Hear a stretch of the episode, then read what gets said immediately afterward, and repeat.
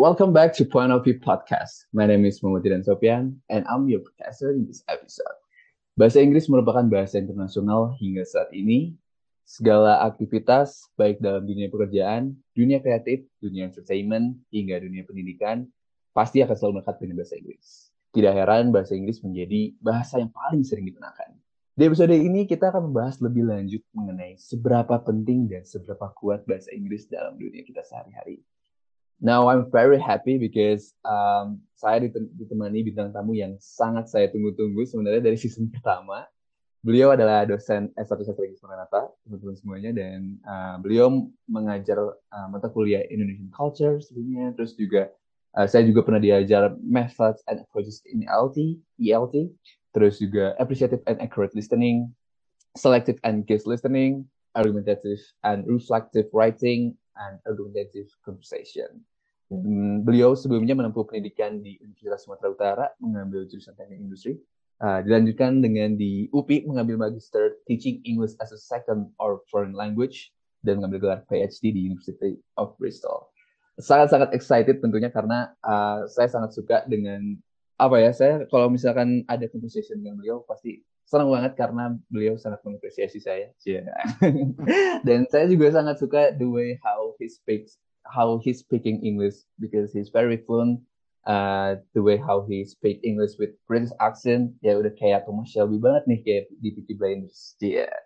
Oke, okay, uh, teman-teman sebelumnya sebelum itu uh, jangan lupa follow akun Instagram Himasing uh, at mcu underscore Himasing dan Spotify kita juga di POV because uh, nanti akan ada konten-konten yang menarik dan juga edukatif yang sangat disayangkan kalau teman-teman lewatkan. Please welcome Mr. Fritz Tabarat. Halo Pak. Halo, good morning. Selamat Halo. pagi Didan. Selamat pagi uh, teman-teman uh, yang mendengarkan. How are you? I'm doing good. I'm doing good. Uh, I'm really happy, sir, because you know it's an honor for me uh, have a podcast with you because sebelumnya kan kita juga pernah ketemu di uh, writing, right? And That's uh, right. ELT, ELT, of course. And I, I don't know. I feel like I really, I really like the way how you teach me because uh, Bapak kalau misalkan ngejarkan saya udah kayak teman banget gitu Pak, udah kayak sahabat ceritanya. Well, thank you, thank you, thank you very much. yes, happy to teach you and your friends. You guys you. are a great bunch of people. Yeah, thank you, thank you so much. I really appreciate it.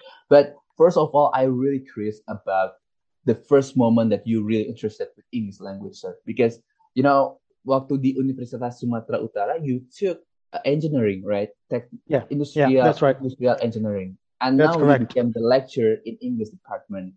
Mm-hmm. You know, it's it's it's really interesting to talk about it because you know it's very different, uh, different thing, right? And mm. so I really want to know first about the first time that you really interested with English language. Saya mau tahu kira-kira apa yang bikin Bapak interest dengan dunia bahasa Inggris dan ketika Bapak jadi dosen di sastra Inggris tuh is there any significant change from you know the way how you talk, the way how mm-hmm uh, you think or the way how your perspectives before? Yeah, yeah, sure. Thank you, Didan, for your question. Yeah. Uh, pertama-tama, kenapa uh, kapan tertariknya dengan bahasa Inggris? Well, actually, my father he often used English at home. So uh, dia belajarnya otodidak. Dia waktu dulu tuh sering mendengar BBC radio broadcast. Jadi dia juga pakai British English dan uh, dia, karena dia sering pakai bahasa Inggris meskipun nggak dalam full conversation, you know, tapi sering ada expressions yang dia pakai dalam bahasa Inggris. Itu yang membuat saya tertarik ya dan memang di rumah tuh paling sering ya sebagian besar lah ya uh, itu filmnya juga film yang berbahasa Inggris, musiknya yang berbahasa Inggris. Jadi memang dari kecil saya sudah terekspos ya dengan bahasa Inggris dan uh, you know itu membuat saya senang ya dengan bahasa Inggris. It's great. And waktu belajar pertama sekali di SMP waktu zaman saya itu ya saya sudah bisa bahasa Inggris jauh melebihi teman-teman saya gitu ya. Karena uh, memang di rumah pakai bahasa Inggris ya.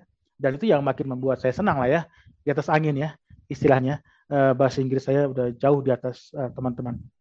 So that's mula-mula saya uh, suka dengan bahasa Inggris. So basically it's from uh, my house. Yeah my father uh, used English you know many times. Yeah not as in the full conversation tapi ya every now and then lah that's it dan kalau boleh tahu kenapa akhirnya Bapak memilih uh, teknik industri Pak? You know, because kan Bapak juga udah terbiasa dengan bahasa Inggris kan di rumah. Dan akhirnya ketika memilih teknik industri, kira-kira pemicunya apa tuh sampai akhirnya yeah. oh, I don't want to choose hmm. English department for my uh, S1 gitu. Yes. Jadi saya waktu dulu itu memang melihat bahasa Inggris itu sampai sekarang pun ya. Saya melihat bahasa Inggris itu lebih sebagai bahasa untuk komunikasi. Saya tidak melihat itu sebagai ilmu yang harus saya pelajari uh, detailnya. Karena itu tadi waktu Didan memberikan uh, sedikit summary apa yang saya ajarkan itu nggak ada grammar. Karena memang itu bidang saya dan saya memang nggak tertarik untuk memperdalam grammar. Uh, jadi memang bahasa Inggris bagi saya itu memang a means of communication, to communicate, right? Dan waktu saya bisa bahasa Inggris dari SMA itu saya sudah tahu saya bisa bahasa Inggris ya, karena saya sudah sering berbicara juga dengan turis ya. Saya besar di Lombok, jadi daerah wisata. Jadi uh, sering bersama teman-teman lah waktu SMA itu ya. Biasalah anak muda ya bawa gitar ke pantai, mengamen-mengamen cantik lah ya. Uh, mengamen yang tidak diinginkan gitu ya. Uh, di hadapan bule-bule dan you know itu saya pakai hanya untuk ini aja sih ya supaya bisa berlatih bahasa Inggris dan so so I, I know I can I knew I could speak English okay-ish ya tamat SMA itu. Jadi saya ngapain lagi kus, apa kuliah S1 bahasa Inggris? Karena you know seperti saya bilang tadi English to itu hanya sebagai uh, alat komunikasi aja.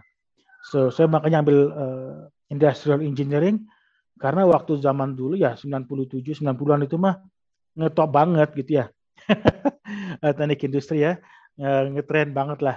Jadi ikut-ikut teman lah ngambil uh, teknik industri gitu ya. But yeah so teknik industri juga saya beruntung karena bahasa Inggris saya gitu ya jadi ada buku-buku baru dosen yang baru pulang dari Amerika dari Australia dari Kanada bawa buku ya operational research you know management yang kayak gitu gitulah ya uh, optimization itu bahasa Inggris bukunya kan yang baru-baru nih buku baru ya atau marketing Philip Kotler punya yang terbaru. Teman-teman saya nggak bisa ngerti kan? Saya bisa. So uh, itu untungnya di situ. Jadi uh, waktu kuliah juga saya ngajar teman-teman kok bahasa Inggris. Saya punya uh, kelompok kecil uh, mahasiswa teknik industri juga teman-teman saya yang ketemu setiap hari Jumat gitu ya sekali seminggu saya ajarin bahasa Inggris juga. Itu sih. That's really good, sir. That's really good. So I assume that English language is very important for you, right? Because you know it's, it's, it's a medium of communication, right? That's and, right. That's right. Dan bahasa Inggris juga ternyata bisa jadi jembatan untuk ilmu-ilmu yang lain. Hmm, dan betul. Berarti apakah si bahasa Inggris itu benar-benar sepenting itu, Pak? Like untuk semua orang ya? Apakah hmm. memang sepenting itu? Dan kalau misalkan ada yang hilang dari seseorang ketika belajar bahasa Inggris tuh, itu apa sih, Pak? Gitu. Misalkan hmm. saya nggak belajar bahasa Inggris nih, saya hilang apa gitu the ability to communicate in English is not everything, oke? Okay? Jadi bukan itu segala-galanya sebagai kunci sukses, no, not at all, gitu ya. Tetapi dia bisa menjadi pembeda, pembeda ketika kesempatan itu datang, kemampuan bahasa Inggris kita bisa jadi pembeda, yang bisa membedakan nasib kita sebetulnya, gitu ya. Memang bukan segala-galanya, betul. Saya juga tidak bilang bahasa Inggris segala-galanya ya, nggak nggak penentu keberhasilan, tapi bisa menjadi pembeda. Jadi untuk kasus saya sebagai contoh gitu ya, saya sudah bekerja itu waktu tahun terakhir kuliah di teknik industri. Saya bekerja di perusahaan India sebagai orang kepercayaannya pemilik lah ya eh, perusahaan India yang pusatnya di Singapura. Jadi saya di situ ketemu sama bos ini di gereja. Gereja saya kebetulan berbahasa Inggris. Jadi uh, saya ketemu di situ dan terus diajak, Fritz, would you like to, you know, would you be interested in joining my company? Itu tahun terakhir saya kuliah, saya masih umur 20 gitu ya. Jadi masih eh, cukup muda dan udah dapat pekerjaan sebagai full time itu dengan gaji di atas rata-rata waktu itu ya. Teman-teman saya masih ngopi-ngopi makan Indomie, saya udah ke Pizza Hut gitu waktu itu ya dengan penghasilan saya gitu ya. Eh, teman-teman pada masih pada ngobrol nggak jelas di kampus, saya sudah di kantor. But that's because of my English. Gitu. Jadi bos ini merasa nyaman berbicara dengan saya dalam bahasa Inggris karena saya mengerti sepenuhnya apa yang dia mau gitu ya. Dan saya menjadi the middleman between him and Indonesian staff. Nah, gitu. Jadi uh, posisi saya sangat penting. Jadi staff-staff lokal juga menjilat-jilat gitu ya. Uh, bos juga percaya sama saya gitu ya. Karena apa yang saya bilang gitu yang dianggap kebenaran ya, yang benar gitu ya. Kan ini bawahan kagak ngerti semua bahasa Inggris. Jadi tergantung sama saya. Sama bilang apa juga terserah gitu ya. So uh, bosnya betul-betul dari India langsung, jadi zero Indonesian. So memang uh, sangat bergantung pada saya waktu itu. Dan itu salah satu pembeda saya dengan orang yang lain yang bahasa Inggrisnya mungkin nggak sebagus saya gitu ya. Saya yang dipilih meskipun saya masih kecil dan masih muda ya, belum tamat kuliah. Tapi because of my English, mereka lebih dia lebih nyaman ke saya dan ya udah saya jadi kaki tangannya. So that's just one example. That's really interesting, sir, because you know, let's go back to you the first time that you really interested with English language. Jadi waktu itu Bapak ternyata uh, selalu nonton film mm -hmm. uh, sama keluarga dan juga suka dengar-dengar lagu juga. Mm -hmm. I think that's a really interesting medium karena medium lain pun bisa jadi kita bisa jadi ngerti banget sama bahasa Inggris. But I really want to know um, the process, the way how you learn. Mm -hmm. Jadi ketika kita nonton bahasa uh, nonton film itu apa yang Bapak lakukan? Apakah filmnya itu without subtitle, Indonesian subtitle, I mean, atau yang di bahasa Inggrisnya eh yang lagu bahasa Inggrisnya Bapak sambil baca liriknya or hmm. anything? Ya, kalau untuk film hanya ada TVRI dulu ya. RCTI dah. RCTI juga bermasuk ya. Jadi semuanya ada subtitle bahasa Indonesia-nya. Gitu ya. TV zaman dulu nggak punya teknologi untuk menghilangkan subtitle. Jadi selalu ada uh, subtitle bahasa Indonesia-nya. Uh, tapi ini yang penting itu adalah uh, waktu karena saya punya guru di rumah ya, bapak saya sendiri gitu ya. Jadi uh, waktu saya uh, mimik ya uh, coba-coba mengucapkan satu dialog dalam film seperti film waktu saya nonton itu sempat ingat ham, apa Hammer Hammer 008 gitu ya filmnya film seri polisi itu polisi kumisan siapa namanya lupa saya pokoknya uh, dia itu dia bilang ini tag tagnya tagline itu begini trust me I know what I'm doing gitu ya kalau saya coba-coba ngikutin gitu ya terus ada yang salah misalnya pengucapan saya bapak saya akan memperbaiki jadi kayak yang paling susah itu orang Indonesia mah yang TH ya, TH itu susah sekali ya. Nah itu saya sudah bagus dari dulu. Ya karena bapak saya udah ngajarin. Ya teman-teman masih mother, father gitu. Saya mah udah jauh lah. Udah nggak begitu. Gitu. Jadi uh, itu karena bapak saya yang mengerti uh, bahasa Inggris ya dan jadi dia bisa mengajarkan. Terus kalau untuk uh, lagu, biasanya tiap bulan beli satu kaset ya. Nah, zaman dulu kan zaman band ya. Jadi Aerosmith, Bon Jovi, Guns N' Roses, uh, itu lengkap semua albumnya uh, saya punya uh, jadi ya liriknya kita sambil nyanyi lah ya sambil main gitar saya juga di band anak band juga dulu ya waktu masih kurus jadi sekarang udah gak cocok lagi sekarang mah jadi apa ya uh, worship leader. Ya kalau dulu sebelum tobatnya ya anak band. Jadi mau nggak mau harus menghafal lirik ya. Menghafal lirik pengucapannya juga harus benar kan ya. Jadi dulu bahasa Inggris saya sangat American di dan karena memang yes bapak saya punya British English tapi exposure saya ke film itu Friends. Oke okay, serial Friends itu habis lah. Saya babat itu ya uh, Melrose Place zaman dulu gitu ya. Jadi semuanya American. Tapi memang kalau musik ya dengar lagu catat liriknya dulu kan gak ada internet ya jadi memang kemampuan mendengarkan sangat terasa lah ya apalagi kalau di radio cuma main sekali itu lagunya tuh ya kalau kita gak punya kaset wah itu udah ampun itu kapan lagi muncul lagunya. Jadi kita catat lagu-lagunya, kita latih pelafalannya. So, I mean, ya memang begitu saya latihan. Jadi uh, pronunciation saya atau cara pelafalan saya mungkin udah terlatih dari dulu ya dari situ. Karena memang untuk nyanyi kan harus harus benar ya pelafalannya. Itu itu menarik banget sih Pak karena saya juga karena film sih sebenarnya hmm. uh, when I became to be really interested with English language dan kayaknya sekarang juga teman-teman semuanya juga pasti kalau misalkan mau belajar kayaknya paling praktis dan paling fun actually from those mediums ya Pak ya karena dari lagu yes. karena yes, because yes. that is something that they really like it ya kan jadi sambil benar, belajar benar. oke okay, so Bapak juga tadi sebelumnya pernah work at at the church ya yeah, church kan well not work uh, I I I went to an English speaking church oh okay okay okay then is that the reason why you uh, chose a magister teaching English di UPI? Sebetulnya dari gereja saya menjadi guru bahasa Inggris kursus dulu selama bertahun-tahun. Baru kemudian capek kerja malam, saya mau yang kerja pagi dan saya tahu itu uh, di kampus tempatnya gitu ya. Jadi saya putar haluan lah. Saya tahu syarat untuk jadi dosen kan S2 ya. Dan S2 yang saya bisa yang yang saya senang itu ya memang mengajar bahasa Inggris gitu ya. Memang udah alam saya di situ ya. Jadi saya makanya dari situ saya ngambil ke UPI S2-nya gitu sih, Diran. Berarti memang karena Bapak suka mengajar bahasa Inggris dan sudah terbiasa dengan bahasa Inggris juga dari kecil jadi ya you know that's the reason uh, you took magister teaching English di UPI. That's ya, correct. Ya, betul. Hmm. Lalu dilanjutkan di uh, mengambil pendidikan di UK, right? Di hmm. University University of Bristol. That's right ada kesulitan nggak pak ketika dalam komunikasi? You know? Ya, ini pengalaman tiap-tiap orang dalam studi PhD-nya berbeda-beda ya. Tapi yang saya alami itu sebenarnya bahasa Inggris saya itu menjadi ganjalan. Karena bahasa Inggris saya begitu lancar, bukan menyombong ya, tapi begitu lancar untuk ukuran orang Asia. Ya nggak nggak nyombong sih. Memang sangat lancar. Jadi dianggap oleh supervisor saya itu saya orang lokal Inggris. Nah karena itu dia zero mistakes. Dia nggak mau saya buat kesalahan apa pun. Layaknya bule, layaknya native speaker. Nah itu kalau itu saya bikin kutukan buat saya di situ. Karena teman-teman saya yang Cina, yang Indonesia ini bahasa Inggrisnya ancur-ancuran kok aman-aman terus gitu ya nggak pernah kena marah. Pas saya papernya selalu di ini ya dikritisi gitu dan uh, supervisor saya bilang begini, we push people differently depending on what they can bear. Jadi if they think that you have potential to be pushed, to be stretched, they will do it to you. Nah itu yang kejadian sama saya. Jadi saya bilang sama dia, no, don't push me. Saya bilang sama mereka gitu ya, do not stretch me. I just want to finish this study, give me my PhD now. Gitu ya, saya nggak mau.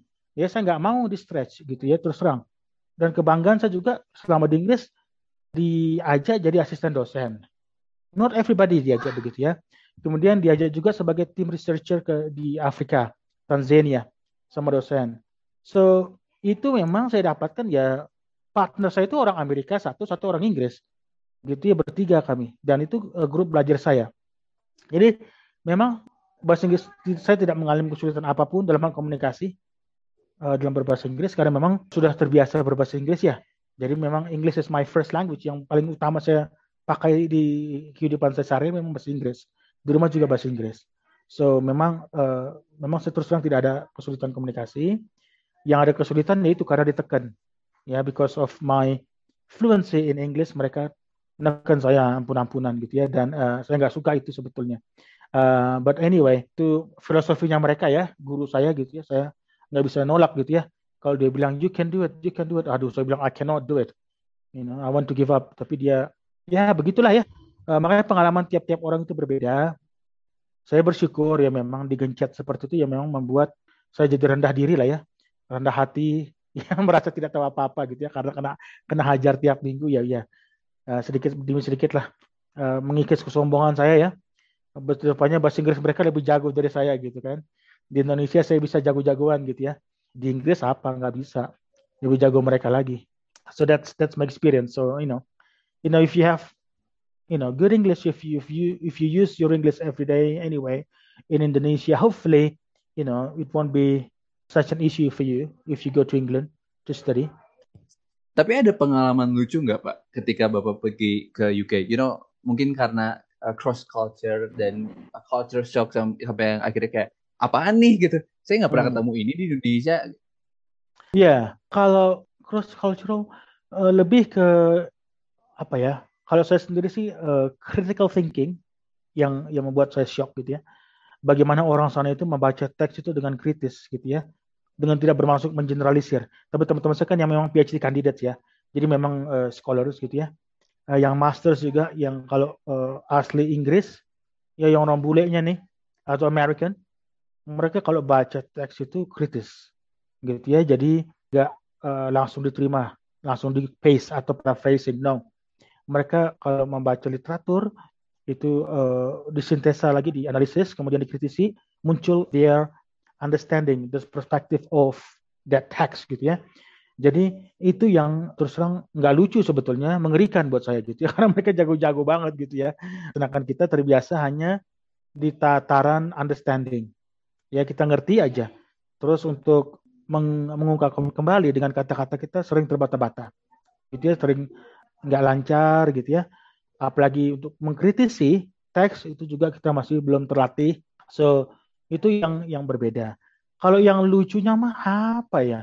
Kayaknya soal lunch deh. Lunch itu saya kan makan di kantor ya, makan siang gitu ya. Kalau teman-teman orang native speaker sana, yang orang asli sana kan tentu makan siangnya itu apel, dan sandwich. Udah, titik. Saya kan makan siangnya nasi gulai ayam. Gitu. Jadi microwave itu selalu saya yang pakai. Ya, itu udah ketahuan tuh baunya nyebar. Ya, jadi kalau uh, makan siang tuh saya selalu bawa makanan dari rumah nasi lah ya. Nasi base lah. Mau rendang, mau gulai, pokoknya segala macam lah. Yang Indonesia gitu ya. So, itu yang berbeda yang buat mereka selalu ke meja saya kalau lagi makan siang gitu ya. Ngelihat saya makan apa ya. What do you have today, Fred? Selalu mereka begitu ya. Kalau dia lihat, waduh, saya punya nasi, ada lauknya, ya lauknya mau gulai gitu, soto, ada sayurnya, gitu ya. Sedangkan mereka cuma sandwich doang. Ya, itu juga pakai cheese atau enggak bacon, udah beruntung mereka tuh dapat bacon gitu ya. Uh, biasanya mah roti doang gitu sama apel gitu ya. Karena jauh lah sama menu saya gitu ya. Jadi ya mereka, you know, mereka sering sekali datang ke meja saya kalau makan siang. It's really different kan pasti dari dan berarti mencoba untuk menyesuaikan berarti Pak dari makanan Oh juga. yes. Oh yes, karena begini, saya lunch itu memang sangat enjoy dengan foodnya ya. Pada orang Inggris, mereka enjoy itu company-nya dengan siapa mereka. Kalau jadi kalau uh, kalau mereka makan itu terus saya itu seringnya makan itu kan di ke taman keluar makan sandwich gitu ya, uh, makan apel. Nah jadi saya uh, beberapa kali juga memang ngikut jadinya. Uh, saya beli lah tuh uh, di warung dekat gitu ya, di toko roti dekat beli sandwich supaya saya bisa gabung hangout. Jadi saya memang harus uh, menyesuaikan juga beberapa kebiasaan saya. Jadi misalnya kalau kita tuh sering ngobrol di pub, mereka minum bir gitu ya. Ya kita kalau nggak mau minum bir ya minum Coca-Cola gitu ya di pub gitu that's fine. Mereka ngerti gitu ya. Uh, tapi kita jangan takut ke pubnya gitu kan ya. Uh, karena kalau takut ke pubnya itu malah membatasi kesempatan kita untuk bergaul and networking ya. Itu profesor-profesor pada minum di pub setiap hari Jumat. Jadi saya mau nggak mau ngikut ya. Uh, meskipun Coca-Cola ya seringnya gitu ya. Kalau agak masih pagi saya berani deh minum bir gitu ya. Nggak ngantuk-ngantuk pisan gitu ya. ya. Minumnya juga jangan sampai mabuk atau teh ya. Kita social drinker aja gitu ya. Hanya ya mereka dua pint, saya setengah pint aja. Di Inggris itu bir itu juga termasuk tanda kutip lah ya culture juga gitu ya. Kalau uh, makanya kalau kita ke pub itu ya jangan terlalu nolak gimana gimana gitu ya. Datang datang aja. Minum you know, sprite atau coca cola juga tersedia di situ. Minum respect aja pak ya. Nggak usah yang betul. betul. respect. So let's talk about this stigma. Ada salah satu stigma yang menarik dan and I think I really want to know about your perspective about it. Apakah itu akan lebih baik kalau misalkan bahasa Inggris itu menjadi bahasa utama untuk Indonesia. Hmm. What do you think? What do you think about yeah. it? Iya, yeah. Kalau bahasa utama sih, no, I, I will saya mundur dulu ya. Jadi bagaimana ya, bahasa yeah, Inggris yeah, ini sure, berguna sure. banget buat saya gitu ya. Waktu kejadian tsunami tahun 2004, orang yang bisa berbahasa Inggris dengan lancar di daerah Sumatera itu terbatas banget. Di Jawa eh, jauh lebih banyak. Jakarta apalagi. Oke. Okay? Jadi saya waktu itu ada di Medan dekat banget dengan Aceh. Nah, jadi saya termasuk salah satu tim awal yang ke Aceh waktu itu. Jadi masih oh, maaf masih mayat banyak itu ya habis tsunami. Dan saya berangkat itu menemani beberapa direktur lembaga besar naik pesawat pribadi dengan gubernur, dengan Pak Tibi Silalahi waktu itu juga sempat sebagai penerjemah. Waktu Bill Clinton datang saya hampir saya hampir ke sana juga. Oke, okay, sebagai penerjemah. Itu kira-kira kegunaan bahasa Inggris buat saya yang teknik industri. Nah gitu ya. Jadi eh, bagaimana kemampuan bahasa Inggrisnya jauh lebih eh, berguna, tanda kutip, buat saya daripada S1 saya yang teknik industri. Di saat itu. Gitu ya. Jadi itulah pentingnya kemampuan bahasa Inggris. Terutamanya waktu pada saat awal-awal. Orang Jakarta belum pernah datang ke Sumatera. Ya, kita yang di Sumatera yang coba membantu pekerja kemanusiaan awal-awal dan saya sempat ditawarin dulu naik kapal perang Amerika uh, untuk dalam waktu satu bulan dengan gaji waktu itu ya. Kalau saya salah kalau nggak salah saya itu 45 sampai 50 juta. Bayangin tahun 2004 ya itu gede banget untuk apalagi untuk ukuran uh, uh, yang baru gitu ya. Dan itu kemampuan bahasa Inggris oke? Okay? bukan teknik industri. So buat saya memang sangat berharga kita nggak pernah tahu misalnya kita nggak mendoakan tsunami ya tapi ada saat-saat tertentu di mana kemampuan bahasa Inggris itu menjadi sangat-sangat luar biasa berguna. Misalnya nanti kita ada pertemuan G20 ya pertemuan G20 di Bali itu ya. Bayangkan kalau you punya kesempatan untuk nyantol di situ dan kemampuan you yang lain bukan bahasa Inggris kemampuan anda yang lain di bidang sinematografi di bidang jurnalistik diketahui oleh orang yang di bidang itu itu akan mendatangkan kesempatan. Itu maksud saya. Jadi bukan bahasa Inggrisnya, no. Jadi yang mereka melihat juga dari saya itu bukan hanya bahasa Inggrisnya, tapi kemampuan manajerial saya yang saya peroleh dari S1 saya teknik industri. Kemampuan saya mengatur stok itu barang, ya, eh, negosiasi dengan vendor, dengan apa toko-toko, eh, komunikasi dengan masyarakat pada umumnya itu skill yang mereka bayar mahal lebih dari mereka bayar tour guide. Kalau tour guide itu istilahnya kemampuan bahasa Inggrisnya bagus kan ya? Bagus meskipun kadang-kadang eh, terlalu informal. Kemampuan bahasa Inggris kita kalau sudah bagus ditambah lagi dengan skill yang lainnya. Nah, skill yang lainnya itu yang jadi mahal karena bahasa Inggris kita. Oke, jadi sama-sama kita punya skill misalnya negosiasi ke warung di pasar gitu ya. Sama-sama nih, ya si Didan bisa nih nawar sayur kangkung sekilo 2000, saya juga bisa 2000. Tapi kemampuan bahasa Inggris saya ternyata jauh lebih bagus. Ya saya yang menang dan kemampuan saya menawar kangkung jadi mahal karena itu. Gitu ya. Jadi uh, itu pentingnya bahasa Inggris. Kayak kayak packaging jadinya dia. Jadi orang yang punya packagingnya bahasa Inggris itu nilainya lebih mahal. Ya. Nah kalau menurut saya bagaimana nih bahasa Indonesia dijadikan sebagai bahasa yang utama di Indonesia? Atau bahasa pendamping bahasa Indonesia lah ya. Karena kalau bahasa yang utama kita ditangkap nih Zidan. Setelah ini Zidan ya. Langsung ditangkap kita karena uh, melanggar undang-undang kebahasaan gitu ya bahwa bahasa utama kita adalah bahasa Indonesia oke okay? uh, so that's fine jadi bahasa pertama bahasa Indonesia cuman memang Indonesia ini menurut saya sih masih malu-malu kucing untuk mengakui bahwa bahasa Inggris itu sudah menjadi bahasa kedua jadi lebih banyak penutur bahasa Inggris di Indonesia daripada penutur bahasa Jawa mungkin sekarang. Mereka lebih bisa bahasa Inggris daripada bahasa Jawa, gitulah, gitu ya. Nah, jadi memang secara de facto sih bahasa Indonesia sudah menjadi bahasa kedua karena di lingkungan akademis sudah jelas bahasa Inggris bahasa kedua. Lingkungan akademis kita bicara tentang semua universitas di Indonesia ini. Nah, jadi memang tapi memang Indonesia ini memang malu-malu kucing kena gigit kampret. Jadi agak susah ya disuruh belajar bahasa Inggris, dihapus bahasa Inggrisnya dari SD. Nggak jadi nggak jadi muatan wajib lagi. Ya, jadi kita ini satu-satunya negara di Asia Tenggara yang tidak mengajar bahasa Inggris sebagai mata pelajaran wajib di SD. Indonesia berani beda. Uh, kita sendiri yang enggak. Ya, negara lain semua. Vietnam itu wajib. Ya, Kamboja wajib. Gitu. Indonesia nanti aja belakangan uh, saat ini. But yeah, I would love to see bahasa Indonesia, bahasa Inggris dijadikan bahasa kedua gitu ya karena menurut saya memang uh, penting ya. Apalagi masa ke depan ini ya main mau nggak mau teh one last question, sir. So, okay, uh, sure. I, I really want to know about your message. Oke, okay, hmm. pesan hmm. yang ingin Bapak sampaikan untuk teman-teman yang masih kesulitan untuk belajar bahasa Inggris, Pak. Oke, okay. jadi menurut saya itu pendidikan atau pelajaran bahasa Inggris itu ada tiga. Ya, ada yang terstruktur itu di sekolah, ya, atau di kursus-kursus. Ada yang ya, lebih tidak struktur lagi di kursus-kursus, gitu ya. Dan ada pembelajaran bahasa Inggris yang secara tanpa struktur yang kita pelajari dalam kehidupan sehari-hari. Jadi seperti film, lagu, saya sebagai uh, salah satu produk yang tumbuh dan besar uh, dengan kemampuan bahasa Inggris seperti ini dari exposure, dari exposure secara langsung baik dalam dari film atau lagu. Dan saya beruntung punya orang tua yang yang bisa membantu saya dalam proses itu lebih cepat. Oke. Okay?